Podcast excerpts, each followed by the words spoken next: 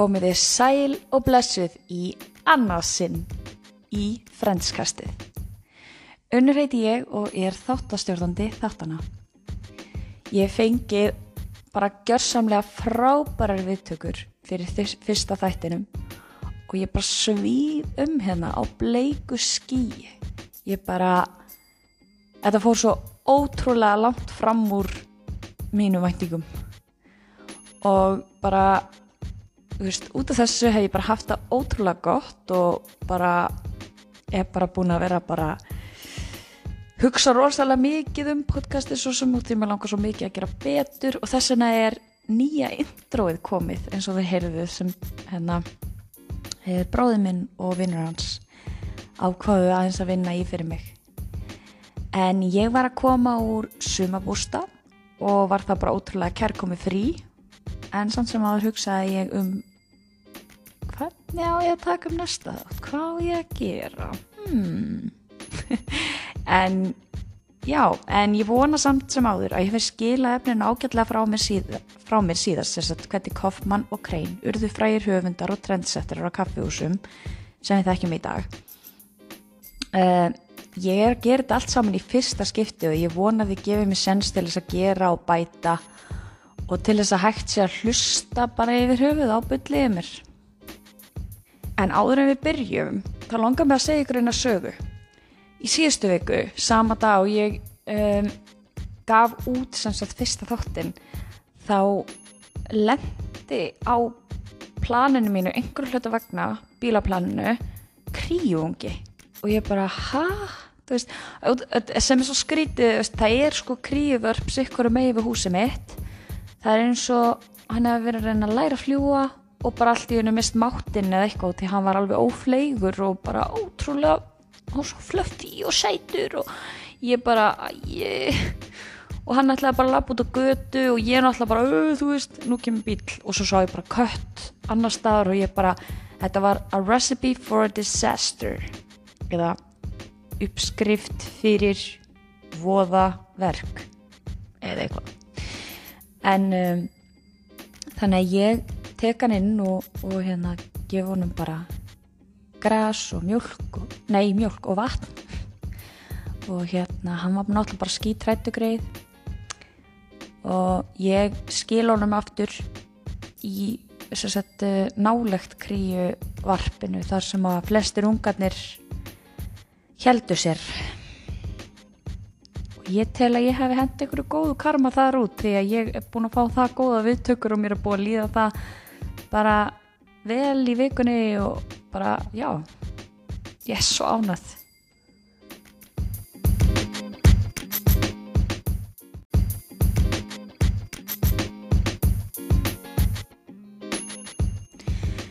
En áður en ég byrja þáttinn formulega langar mér svo litið að spurja einna spurningu sem ég hef oft spurt marga vinu mína. Og þetta er eitthvað sem, ég, sem tengist Friends en það er að sjálfsögða að taka ernan leik innan gesalapa á mjög marga vegu. Og það er sem sagt að ríða, drepa, giftast. Uh, og þá eru þessi þrýr karakterar Ross, Chandler eða Joey. Um, það væri ótrúlega gaman ef þeir myndu svara þessari spurningu inn á Instagraminu Friendskastið undir uh, myndina sem ég setti af Ross. Og hérna, já það væri gaman að sjá hversu margir hérna eru sammálað og ósamálað því sem ég segi. En ég er sjálfsögur búin að gefa mér smá tíma til þess að pæla almennilega í þessu. Og ég mann þegar ég var spurð í fyrsta skipti þá var ég bara ég, ha, þú veist og þá leið mér bara eins og ég þurfti að gera upp á milli barnana minna. Þetta er það rugglað en bara ég, ég elska það alla, ég ætla bara að taka það fram sem fyrst, ég myndi aldrei vilja að drepa neitt ekki einu sinni karakter í sjónvarpi eða ég myndi ekki einu sinni þú veist, ef mér dreymir að ég sé að drepa eitthvað þá liður mér svo illa daginn eftir. Ég bara, fuck, þú veist, ég drepa eitthvað en hérna höldum samt afram ég ætla að byrja á þeim sem ég myndi vilja giftast og það er hann Chandler. Chandler Muriel Bang. Bara því hann er bara ótrúlega sætur. Hann er fyndin með bara geggjan húmor fyrir minn smekk. Hann er skemmtilegur og hann er líka manneska sem maður vil klárlega eiga að sem vinn hann er ekki ofromantískur þannig að það sé, þú veist, klísukent hann er samt bara, hann er bara þessi fullkona blanda fyrir minn smekk en ég vona að maðurinn minn hati mig ekki fyrir að segja þetta. Ekki, en það er líka Chandler Bing ekki til í alvörunni. En síðan myndi ég að sofa hjá hann út Jói þar sem að hann er bara hvern, bara hvern, hvern bósi eins og maður kallar. How you do it og eh, en ég myndi að sjálfsögða alltaf nota smokk. Krakkar, notiði verjur? Ég meina en þá er bara einn eftir. Og mér finnst mjög erfitt að segja það. Og því miður. Elskur oss ég er við þér að bana ef ég þyrst að velja. En sko ástæða fyrir því að hann er síðstur fyrir minn smekk er að hann er bara ógeðslega afbreyðisamur. Hann er bara allt of klísjukendur í romantík hann er mjög desperate veist, að svona desperate manneska eiga kærustu og kærustu, eða, já, kærustu og konu og eitthvað. Og að sumu leiti mjög óþróskaður með valdur en það er bara mín skoðun. Það endur speklar ekki álitið þjóðurinnar en talandi um elsku ross þá er þátturinn í dag um hann David Swimmer sá sem leikur þann frábæra en minn síðsta karakter af kallmennunum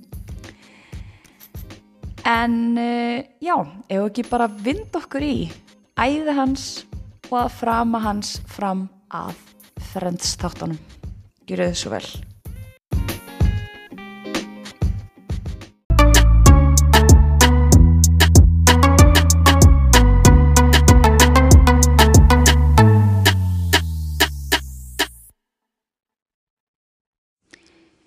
David Lawrence Swimmer er fættur þann annan oktober árið 1966 í Queens, New York. Sónur þeirra Arthur Swimmer og Arlene Cohen Swimmer. Hann á síðan eldri sýstur sem heitir Ellie Swimmer. En þegar David var aðeins tveggjara gamall flutti fjölskyldan til Los Angeles. Fóreldrar hans voru lögfræðingar eða lögmenn. E, það er sem ég fyrst í rauninni, þau eru lawyers en þannig ég finn ekki rauninni hvort þau séu lögmenn eða lögfræðingar. En þau voru sérst að leita sér að betru, betri atunutækifæri í Sunny, California. Frá byrjun fann David sig aldrei á meðal annar á sínum aldri í þessari risaborg sem hann bjó í. Hann var í Beverly Hills High School sem er í dag mjög frægur skóli sem notaður hefur verið undir alls konar sjónastætti og bíómyndir. Þar á meðal 90210 ef þið horfið á það. Hann var að hans sögn nörd og mikill einfari eða a nerd and a loner Hann reynlega fann sig aldrei með öðrum. Svo litið eins og ég. Ég hef ekkert neginn alltaf fundið fyrir að ég passi aldrei inn í hópa fólki og ég bara veit ekki af hverju. Ég bara svona eins og pústlið sem tindist og passa hverki og finnst ég þurfa að hafa fyrir því að tróða mér einhvern veginn í formið. Og þannig var David. Fram eftir aldrei, langt fram eftir aldrei jafnvel eftir að hann sló í gegn í raun bara og, og að hans sög var hann samt sem áður smá búli hann hrindi frá sér ef honum mislikaði hegðun fólks.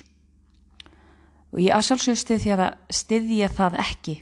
Alls ekki, alls ekki á neittnátt en, en hann viðkennir það.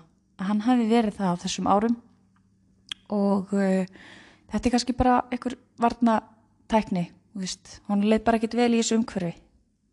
En ef ég má skjóta eins inni þá er það eitthvað sem ég þóli ekki þá er það einelti. Einelti má reykja til þess að gerandin er að díla við eitthvað vanda innra með sér veist, eða heima fyrir. Þarna var David ekki komin á góðan stað og vissi raun ekkert hver hann var. Hann hins vegar loksins fann sig í svona drama club í skólanum sem er svona einhvers konar leiklistar áfangi. Og það regnaðist hann loksins loksins einhverja vini og, og svona hóp sem hann svona náði einhvern, á einhvern máta að tengja sig við og þar á meðal þessara vina var um, Jonathan Silverman sem að sló í gegn með myndinni Weekend at Bernie's sem kom út árið 1989 virkilega mikilvægt ár veitir það hverju? Jú, því ég fættist þá. En það sem finna er, er að eh, Weekend, Weekend at Bernie's er einmitt uppáhaldsmyndin að Rachel Green í Friends þáttunum gæti komið eitthvað frá því að David hafi verið að plugga vinsinn, hver veit? En í þessum klubbi fann hann ekki bara vinhópin sem hann passaði í heldur fann hann smá áhuga á þessu og vildi gera það vel Eitt kvöldi hins vegar fóru fóreldra hans með hann í leikús að sjá síninguna Acting Shakespeare.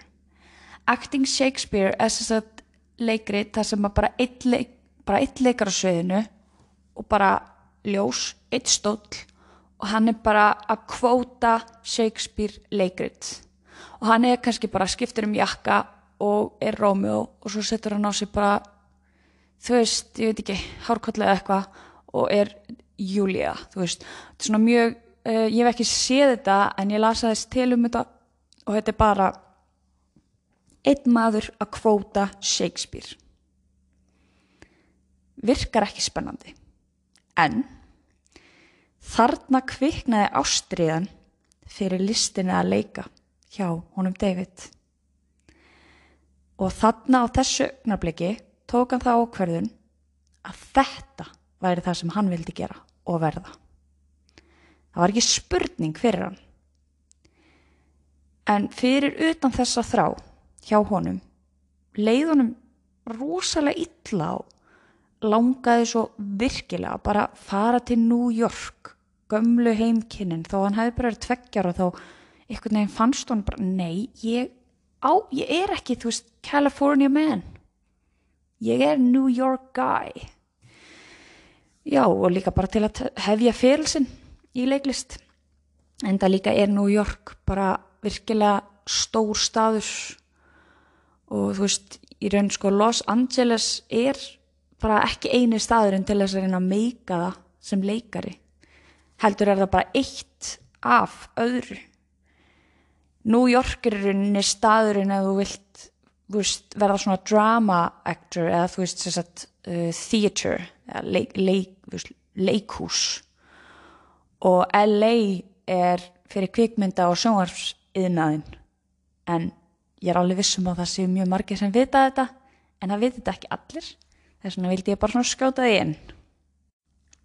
Hámyndað fóreldrar Davids leifðu það hins vegar ekki og myndu þau hann og sýstur hans taumlaust á það að það væri svo miklu meira í lífinu en eintómir draumar. Ferill þeirra var á hápunkti og var að blómstra þarna í Los Angeles og það er ymmið það sem þau vildu fyrir börni sín að þau mentuðu sig og færu þessa inn að gesalappa venjulegu leið að success eða frama. Það verður að minna á að þetta er í kringu 1980 en David hins vegar talar um fóreldra sína um, þegar hann um, talar um fjölskyldulífi og svona þetta hafi verið mjög skemmtilegt. Þau eru skemmtilegi fóreldrar þau hefðu alltaf nóg að gera með börnunum sínum. Það var mikið hleyið um mataborðið það var ekkert engið þögn og svona ofstíft það var bara rosalega létt andrúsloft og þau voru dögulega að spila með þeim á kvöldin og fara með þau veist, í svona amusement parks og, og svo leiðis en þau voru hins vegar mjög, mjög ströng á að börni sín færu í akademist nám og voru einbett á því að þeim gengi vel í skólanum. Ég meina sem er svo sem eðlegt. Ég myndi alltaf stiðja börni mín í því sem þau vilja gera en þú veist þetta er svo litið bara eitthvað, "Ó, þú veist, þú verður að fá tíu í engun, jari jari ég meina það er bara, þú veist, mamman veist, þessu í Ameríku, mamman er sálfræðingur og pappin er læknir og sonur þeirra er í Harvard en ekki því að hann vill það, heldur því þau vilja að hann gera það. Hann vill vera rítöfundur, söngvari, dansari eða bara nýjasta jobbi í dag áhrifavaldur. Þetta er augljóst að þetta er ekki bara einhver bíómynda klísja sem að finnst bara í sjónvarsefni og eitthvað svona frá Ameríku. Þetta er greinilega normið í mörgum fjölskyldum og sérstaklega þá um, ætli ég vil bara rétt að vona að þetta sé búið að minga eitthvað með árunum því að þú veist það er augljóst að maður getur maður getur alveg gert allt sem maður vill og ætla sér. Ef maður er með nógu stóra drauma þá kemst maður alveg á góðan stað í lífinu og það er það sem skiptir bara miklu máli sko. Og líka bara með þróæri tækni þá er svo miklu auðveldur að koma sér á framfæri. Ég meina ég get alveg verið að vinna veist, sem viðskiptafræðingur og lögfræðingur er samt er að taka upp podcast. En á þessum tíma þá var kannski svolítið erfiðar að koma sér á framfæri með podcast að þú vildi vera útarpsmaður eða eitthvað. Eða ég skilji hvað ég meina. En ég bara afsaka að ég fer eitthvað stundum út fyrir efnið, stundum bara fæ ég svona munræpu en ok, höldum áfram. Ég er ekki að gaggrina fóreldra Davids, ekki á neitt hátt og þú veist, ég meina uh, móður Davids hún var hörku kvendi bara kvenn skurungur hún var ein af sjö konum í 349 nefndabekk í lögfræðináminu sínu þegar hún var ung. Á þessum tíma var þetta bara ég kallaði veist, a man's job eða kallavinna eða manns, mannavinna það heit ekki um, hún formaði sérst í kjölfæri þá veist, feminista félag sem varð fyrir eitthvað stórt á þessum tíma þegar hún er svona stíga sín fyrstu skref í námi og hún barðist fyrir því að konur ættu allan rétt til að vinna sem lögfræðingur í hvaða málu sem er. Í raun á þessum tíma voru konur bara fengnar til þess að um, verja eða vittna á móti kynferðsbrótamálum og þú veist já, ég meina það var bara, já þú ert kona þú, þú getur dílað við svona mál. En konur fengi ekkert engin önnur þannig sé tækifæri. Og þetta var Arlene ekki ánað með ha? hann sá hann hingað ekki lengra um, en Arlene það sem að leið á varð einn eftirsóttasti skilnaðalögfræðingur í Los Angeles þar sem hún einbætti sér að kynja mísrétti í samböndum. Bara vel, flott. Hún var bara hörku dugleg og skiljanlega hefur hún viljað allt sitt besta fyrir sín börn og allt er lægi með það. Og David hefur talað um það sjálfur í viðtölum að hann virðir móðu sínas virkilega en á köplum hafa hann ekkert verið neitt rosalega ánæði með hana þar sem hún var verulega ströng á að hann myndi gera allt sem hún óskaði að hann myndi gera. Eitt daginn kom uh, framleiðandi frá New York að finna leikara í síningu sem hann var að fara að sína á Broadway sem er fyrir þá sem ekki vita bara aðal dæmið í leikúsbransanum. Eiginlega bara svona eins og borgarleikúsi og þjóðleikúsi fyrir okkur. Já, mjög big deal. Veist, veita er ekkert að byrja þetta saman en þú veist eins og bara ef ég væri leikar á Íslandi þá væri það bara big deal að komast á borgar, já, á stóra sviði borgarleikúsinu. Um, í gegnum dramaklubin sem hann var í náði hann og vinur hann Silvemann sem var í Weekend at Bernie's að fá pröfu. Kennarinn þeirra hafði svo mikla trúaðin báðum að hann tók ekki annaði mál en þeir myndi reyna á það. En þetta var fyrir aðal hluturkið í leikritinu Eugene O'Neill Bright and Beach Memoirs sem ég veit bara nákvæmlega ekkert hvað er enda líka ef ég fara að googla hvert einasta leikrit sem að ég mun nefna hér þá gerði ég ekki annað en já, þið getið kannski fundið að Eugene, O'Neill, Bright and Beats Memoirs þetta er eins og bara örgulega æfisaga um hennan Eugene O'Neill eða eitthvað. Um, en foreldrar Davids stuttu áhugamál, áhugamál hans í leiklist af fullu og mættu alla síningar veist, fyrir hennan dramaklub og voru miklur aðdáðundur listarinnar. En þarna var heldur betur ítt á bremsuna því þeim þótti það ósættanlegt að þetta kemi í staðin fyrir akademíska mentu. Þau sögðu, quote, nei, þú ert ekki að fara á Broadway. Þú ert að fara í skóla. Silverman fekk því hlutverkið og, og David fór að óskum fóreldra sinna. E, og þá fór hann í Northwestern University. En þar tók hann bara ákverðun að taka hérna, Bachelor, Bachelor of Arts í leiklist og tali eða Bachelor of Arts in Drama and Speech eða eitthvað svo les. Þráttur í mikla gremju garðfóreldra sína á þessari tilnittu ákverðun sá hann snemma að þessi ákverðun kom honum á þann stað sem hann er í dag. En nú kemur smá útúrdúr frá mér. Þá get ég í raun ekki séð eftir neittni ákverðinni mínu lífi hvort sem það voru litlar, slæmar, stórar eða góðar. Það er allt hluti af okkar leiðilífinu. Segjum til dæmis. Nú kemur sögustund. Nei. Árið 2010 var mér sérst bóðin alveg drullu vel borgu vinna hjá ónefndu fyrirtæki sem ég ætla ekki að nefna en mjög erfiðir vinnutímar. En á móti fekk ég bóð um vinnu sem var með fullkomna vinnutíma og aðeins slakara kaupi. Ég var smá tíma átt að mig hvað væri betri kosturinn en ég valdi hann síðri með verra kaupinu.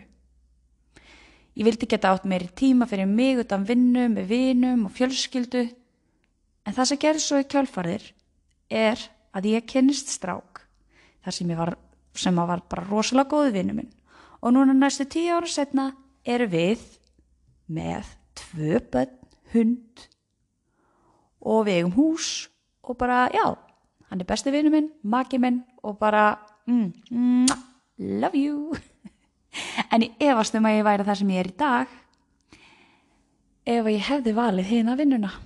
Þannig að krakka mínu peningar er ekki allt. En talandu um ákvörðum Davids á þessum tíma sá hann setna meir og eftir á að þeir sem hann kynntist í Northwestern University voru í raun vinir til að eiga og þarna passaði hann lóksis inn. Svona eins vel og honum gæti liðið. Og hans reynsla innan skólans myndi í raun skipta sköpum í framtíðinni. Eins og ég sagði á hann, þá skráði hans í drama eða leiklist og var fljótur að sjá að þetta veri hans staður til að vera. Elsku kallin, búin að tindur allt sitt líf, en þarna fann hann tinda púslið. Þarf alltaf að vera eitthvað púsl. Ugh, ugh ok, allt er læg, ég þarf alltaf að vera svona klísukjandar orðskýringar, ok um, en það er í raun ekkert meirum fyrirlands í skólanum sem ég finn en hann kláraði þarna Bachelor of Arts og stopnaði kjölfarið The Looking Glass Theatre Company í Chicago sem bara svona leiklista hópur bara eins og leikhópurinn Lotta eða eitthvað, ég veit ekki öruglega kannski aðeins stærri en það samt Ég, það er bara endalust að ringja í mig hérna. Ég bara ætlar alltaf að pása. Herru, já. Bara svo að vita, ég er mjög vinsæl. Nei, nei.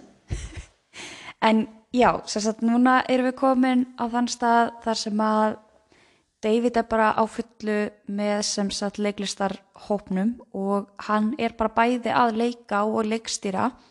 Þar sem að hann bara elska bæði sem bara gott og vel um, það sem að gerist á núna er í rauninni að sama og kemur fyrir Koffmann og Krein það kemur sem sagt umbóðsmaður eitt á síningunum hans um, og bara eftir sýninguna gekk hann bara beint á honum og sá hann bara koma með sér í þið, í, bara í þið snarasta. Bara því að hann gæti bara í raun grætt fjármúr og stíði stegan mjög hratt. Sko David var oft líst sem sko auðtrúa og svona spontant náunga svo hann fór bara strax að tala við skólastjórun í skólanum til að taka sér smá frí frá skólanum. Veist, og hérna leikhópnum og, og, og öllu þessu til þess að einbita sér að þessu. En hann lofaði á sex mánuðum myndi hann koma aftur og koma bara skólanum og þessu leikfélagi bara á kortið. Já það sem ég glemt að segja var að þessi leikhópur var sérst á vegum skólans og hann var í raunin að vinna fyrir þá.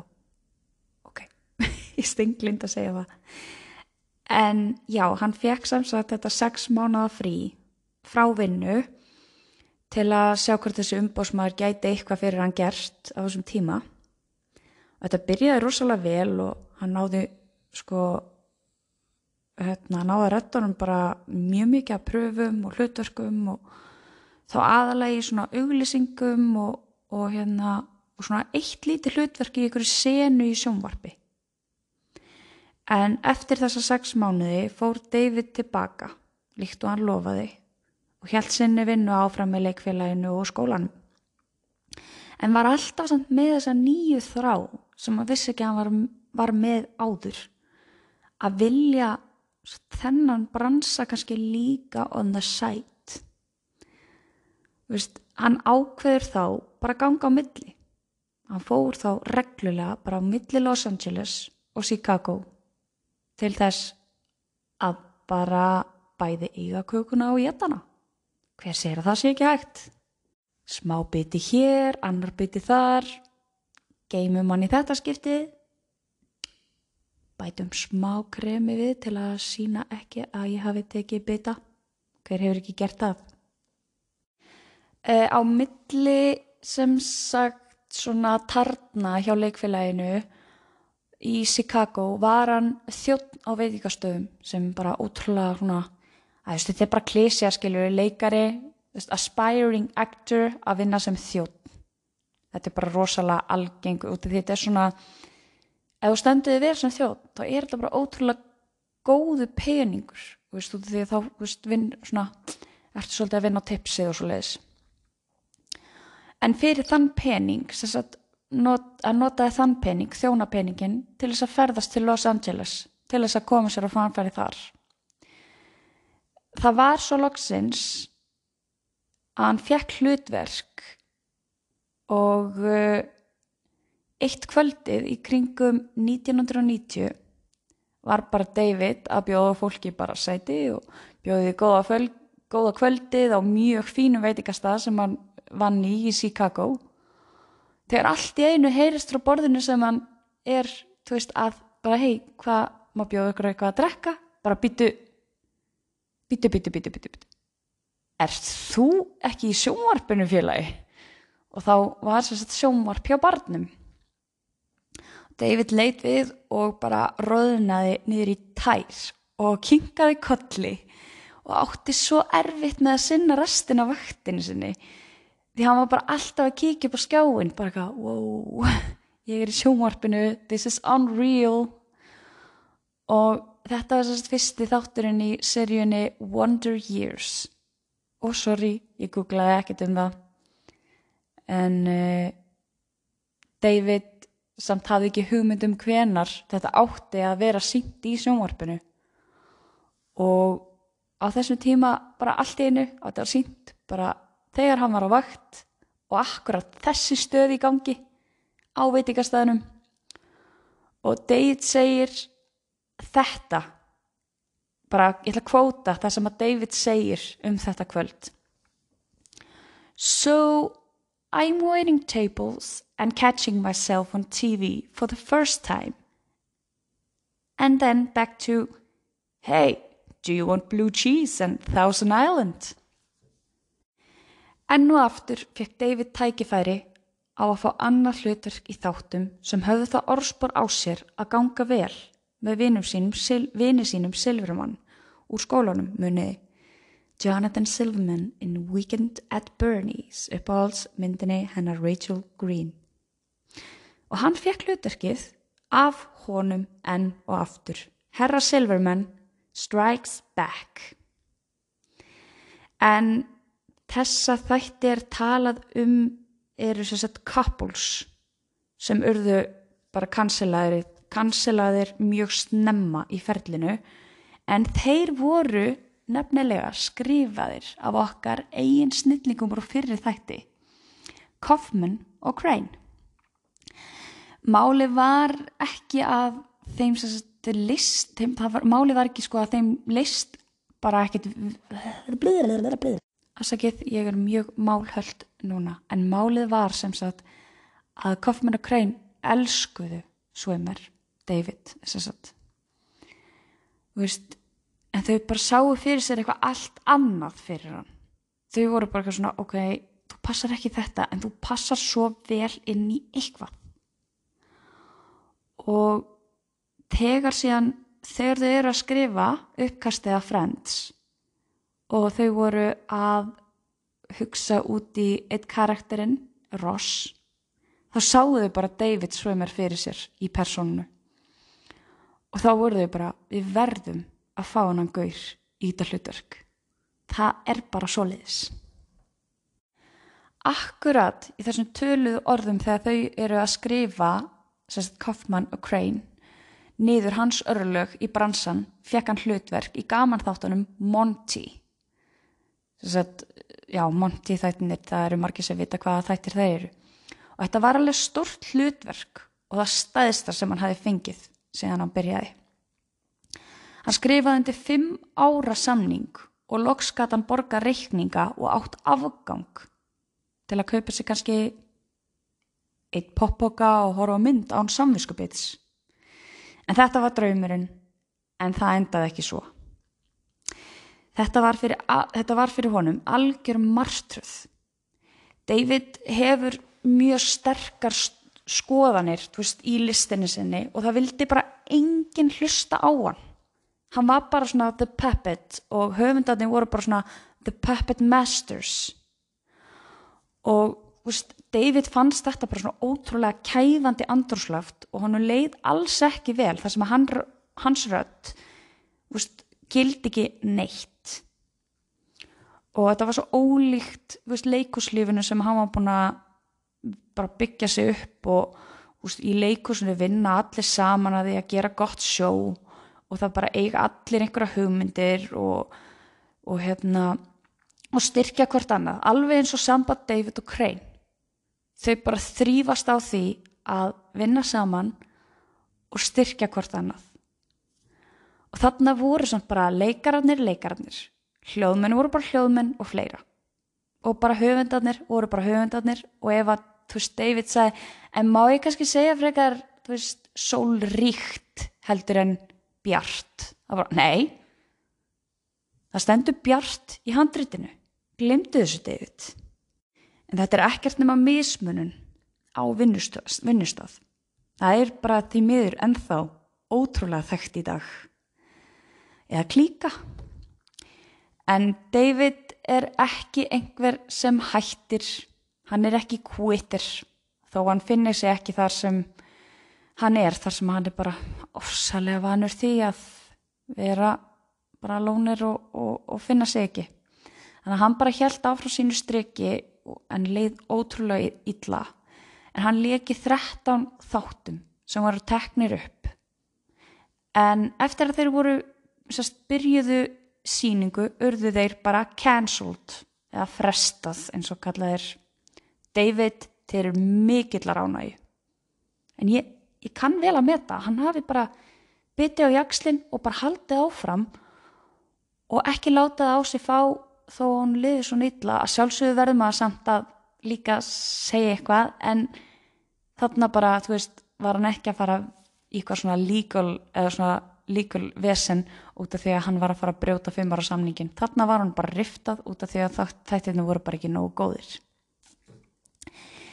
En hann átti svo sannlega ekki eftir að sakna þess að vinna þarna aftur. Þarna var hann staðræðin í að fara aldrei aftur að leika í sjónvarpi. Hann meiri segja að sagði umbásmanninu sínum í Chicago að hann myndi neyta öllu sjónvarps eða kvikmyndaverkefnum. Nú kemur kvót eftir hann sjálfun. After Monty, I was done. Eitt daginn ringir umbásmaðurinn hans í hann verulega tauga og styrk og segir og ég ætla að kvóta á íslensku. Ok, ég veit að þú sagði mér að þú veri hættur öllu sjónvarsverkefnum en ég er með þetta frábæra handrit sem þú verður að lesa. Þegar David er í það mund að fara að segja nei, þá hjælt hún áfram. Lestu það? Þetta er frá sama fólki og skrifaði Kábúls sem þú fóst í pröfu fyrir ekki svo lungu þegar Silverman fekk eh, hluturkið. Þau ángríns skrifuðu personu sem er 100% byggð á þér og þinni framinstöðu í þeirri pröfu. Og nú ætla ég að segja uh, kvótið hans Davids á ennsku og íslensku líka ef að þið viljið það. David saði Very flattering but no thank you. Eða eins og Google Translate saði mjög flatterandi en nei takk. En ég það samt að taka það fram og ég mun oftast vitna í hvað allir er að segja á þeirra móð, móðumáli. Ég vona að það fari ekki í einhverja taugar en stíða sjálfsögur reyna íslenska eitthvað en eins og orðið flatterandi er að mínu mati alveg hrikalega ljótt orð. Mér finnst þá bara ennskan strax betri. En þá sagði þess að umbyn sem ég skil ekki alveg en ég reyndi að koma því á besta vegi á íslensku. But it's ensembled. Og þá hætti hann að tala.